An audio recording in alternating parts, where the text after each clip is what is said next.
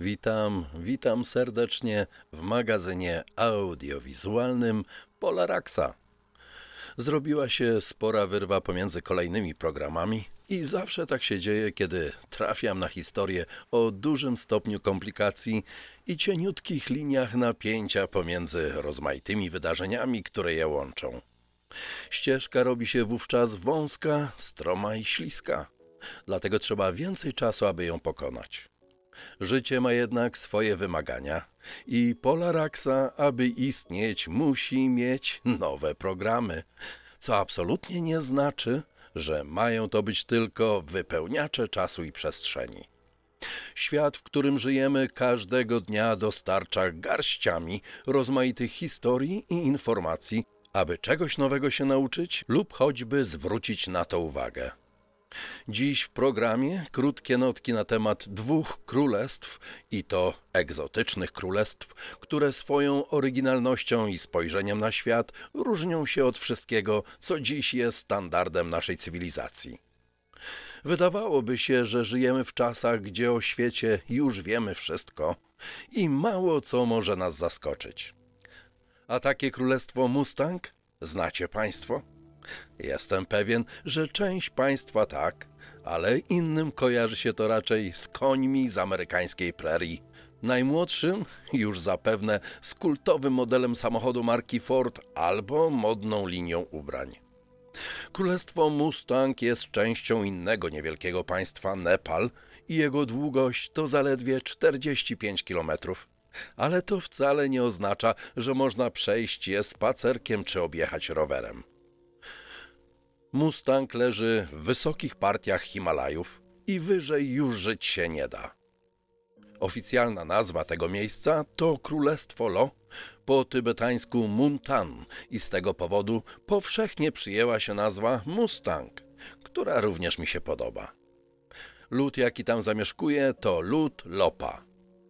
Niektóre osiedla w Mustang są na tak stromych górach, że nawet najlepsi himalaiści mieliby kłopoty, aby tam dotrzeć.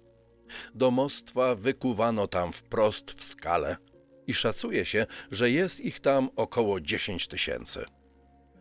Do 1992 roku w granice królestwa nie mógł wjechać żaden cudzoziemiec. Mustang to królestwo religijne, które nie chciało mieć kontaktów z ludźmi z zewnątrz. Do dziś dotarcie tam jest niełatwe. Mustang nałożył limit na turystów i rocznie na ten teren może wjechać tysiąc osób i spędzić tu nie dłużej niż tydzień. Wiza wjazdowa kosztuje 500 dolarów. Dzięki tej niedostępności kultura Mustangu jest nietknięta i zachowana w całości. Czy na długo? Być może nie dłużej niż nasze pokolenie, bo wraz z otwarciem granic tamtejszy lud już teraz woli motocykle niż konie. Najstarsze ślady przebywania ludzi w tym rejonie sięgają 3000 lat. Mustang był początkowo miejscem pochówku. To, co zostało do dziś, to miejsca w jaskiniach skalnych, gdzie chowano zmarłych, których kładziono na drewnianej desce, okrywano całunem, a całość ozdabiano miedzianą biżuterią. Ludzie zaczęli mieszkać na stałe w tym niedostępnym miejscu dopiero tysiąc lat temu. I powodem tej decyzji były prawdopodobnie najazdy koczowników, do jakich dochodziło u podnóża gór. Kiedy sytuacja się uspokoiła, jaskinie mieszkalne były miejscem medytacji buddyjskich mnichów. Niektóre zgrupowania takich wykutych w skale mieszkań stały się buddyjskimi klasztorami, jak na przykład Luri Gampa, monastyr z XIV wieku. Do dziś można podziwiać wspaniałe freski tego klasztoru. Fundusze na dekoracje i utrzymanie klasztorów pochodziły ze sprzedaży wełny jaków. Każda ze wsi ma własny klasztor, a ludzie żyją religią. Tybetańska wersja buddyzmu w Mustang różni się bardzo od tej, jaką wyznaje się w dolinach. Lopa uprawiają jęczmień i grykę. W niektórych miejscach rosną nawet jabłonie i morele. Cały teren pocięty jest tarasami, gdzie rosną uprawy i żyją hodowlane zwierzęta. Niektóre z poletek leżą na wysokości 4000 metrów nad poziomem morza. Klimat jest bardzo suchy i woda jest na wagę złota. Jeziora w tym rejonie są słone, odparowują tą wodę i zbierają sól. Buddyzm, jaki wyznaje się w Mustang, jest w swojej najwcześniejszej formie i ludzie wierzą tam, że Ziemia jest płaska, a w jej centrum znajduje się tybetańskie miasto Lhasa. Choroby wywołują złe duchy, a wyleczyć z nich mogą tylko egzorcyzmy mnichów.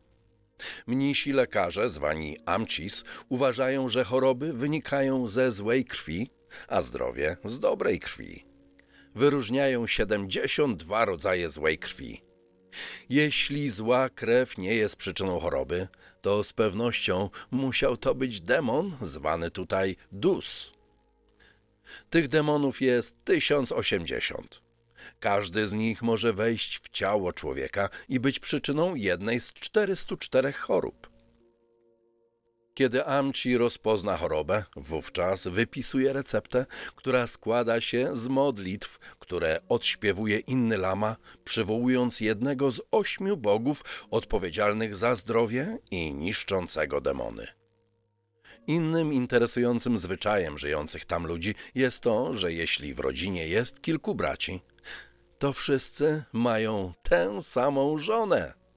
Gdyby każdy z nich miał swoją własną żonę, to bracia musieliby podzielić pomiędzy siebie ziemię, jaką posiadają, i przez to wszyscy żyliby w nędzy.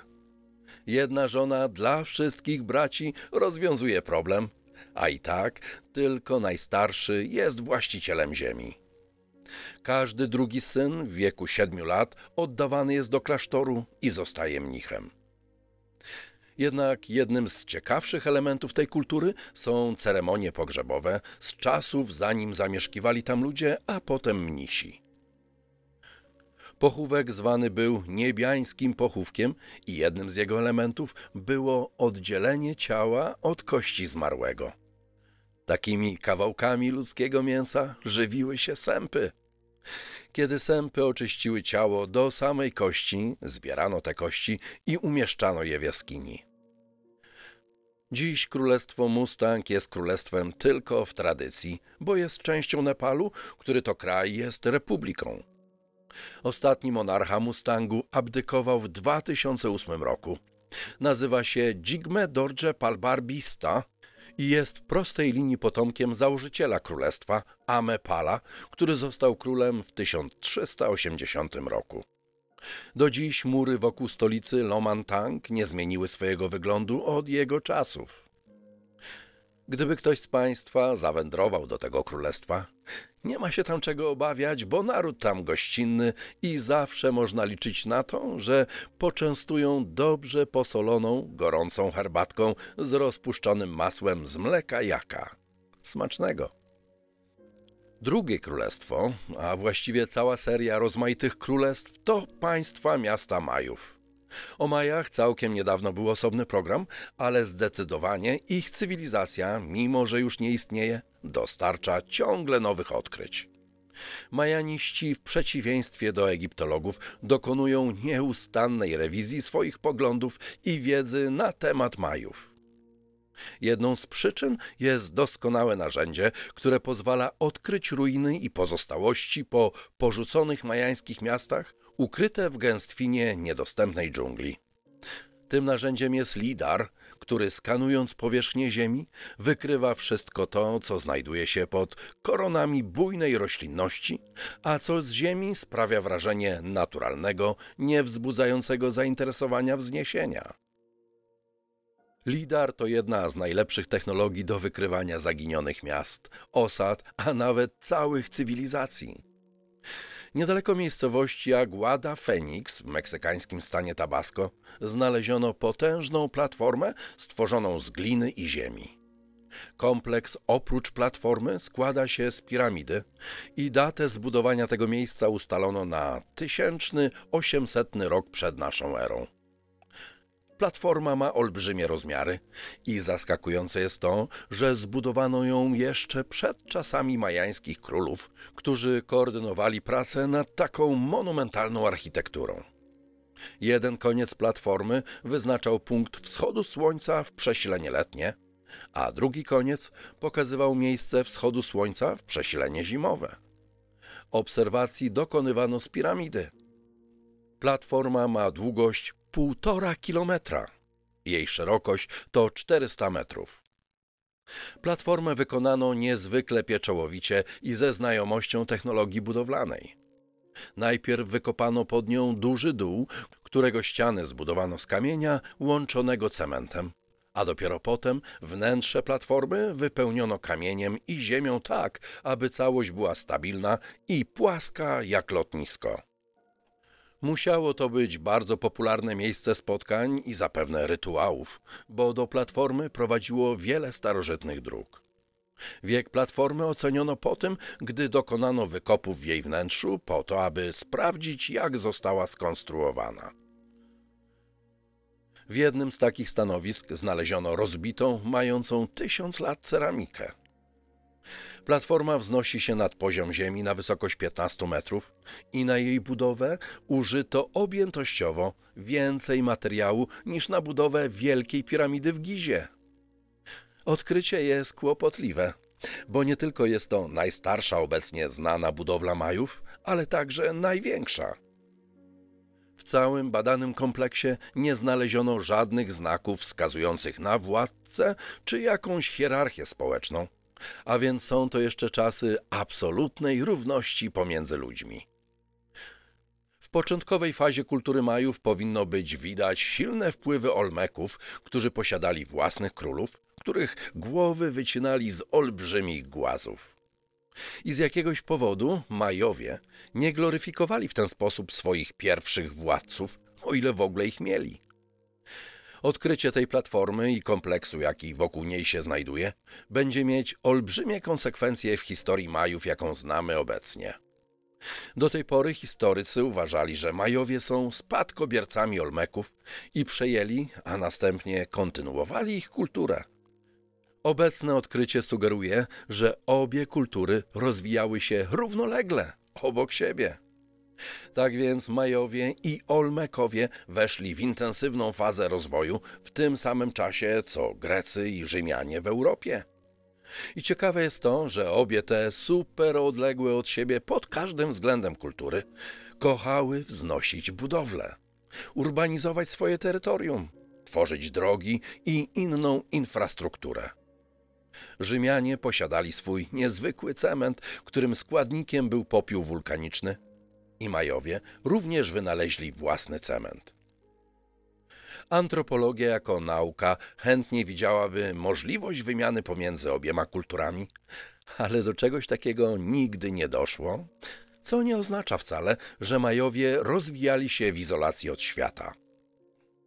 Dr Michael Coe był profesorem antropologii z Uniwersytetu Yale w tym samym miejscu, gdzie podwaliny antropologii jako nauki stworzył Bronisław Malinowski.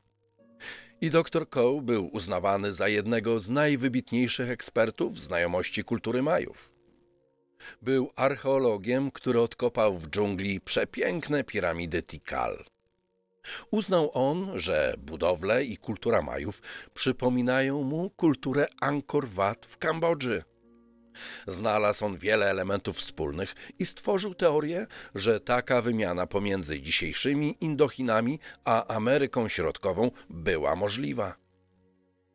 Michael Coe pełnił do niedawna funkcję profesora emeryta na Yale. Jak sam powiedział, tylko dlatego nie obawiał się stworzyć i ogłosić swojej teorii. W czasach swojej pracy na uczelni w pełnym etacie za taką teorię zostałby wyrzucony ze stanowiska. Akademia nadal uznaje dogmat o tym, że oceany dzieliły, a nie łączyły ludzi. Michael Coe zmarł dwa lata temu i jego teoria jest skazana na zapomnienie, mimo że jest doskonale udokumentowana naukowo. Akademia nigdy jej nie uzna, bo oznaczałoby to przepisanie na nowo książek do historii.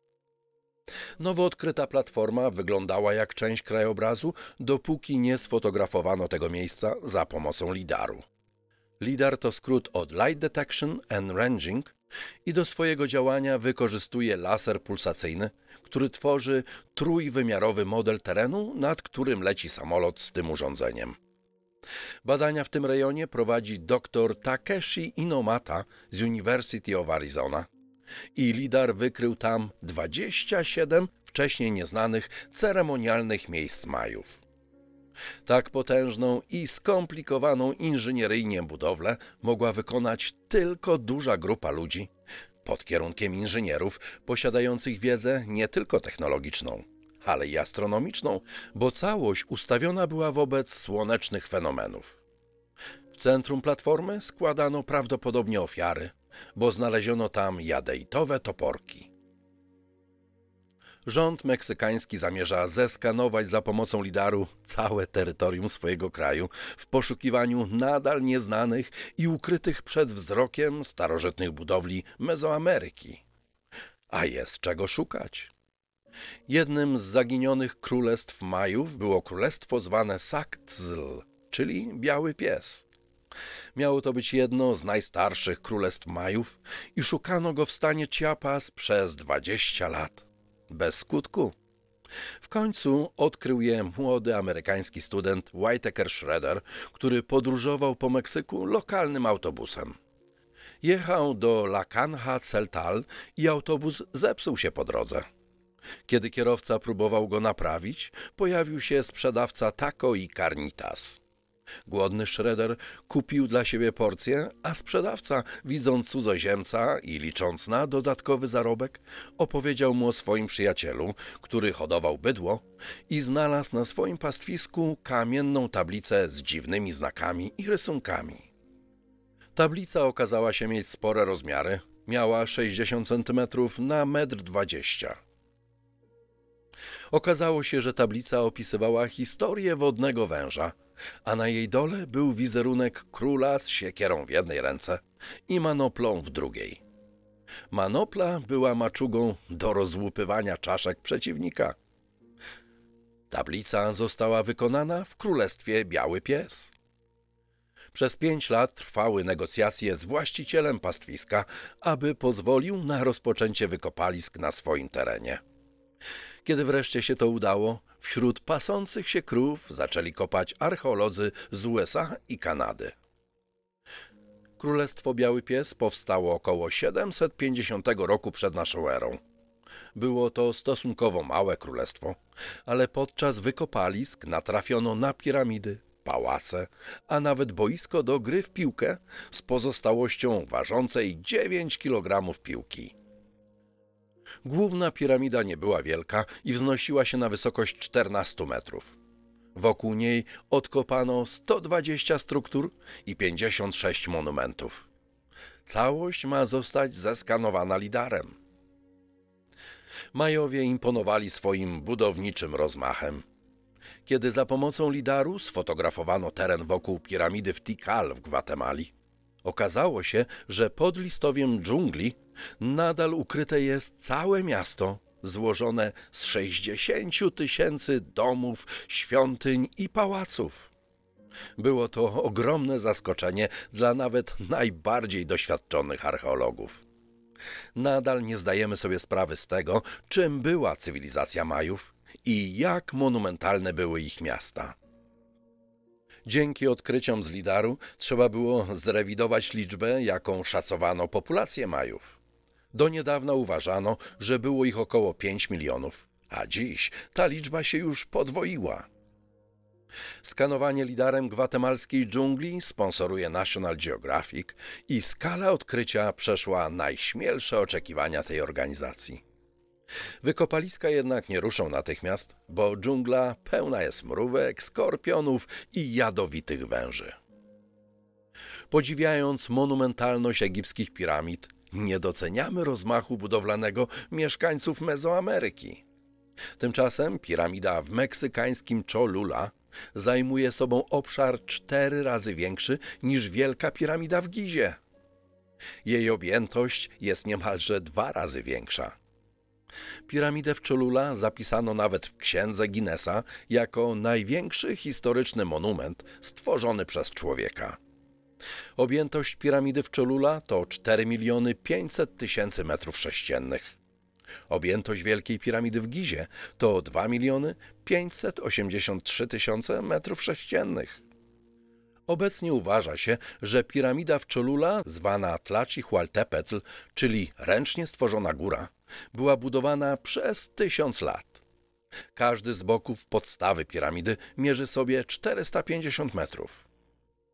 Piramida powstawała partiami, gdy mniejszą piramidę przykrywano większą, po której ukończeniu dookoła niej budowano kolejną, zamykając tę zbudowaną w jej wnętrzu.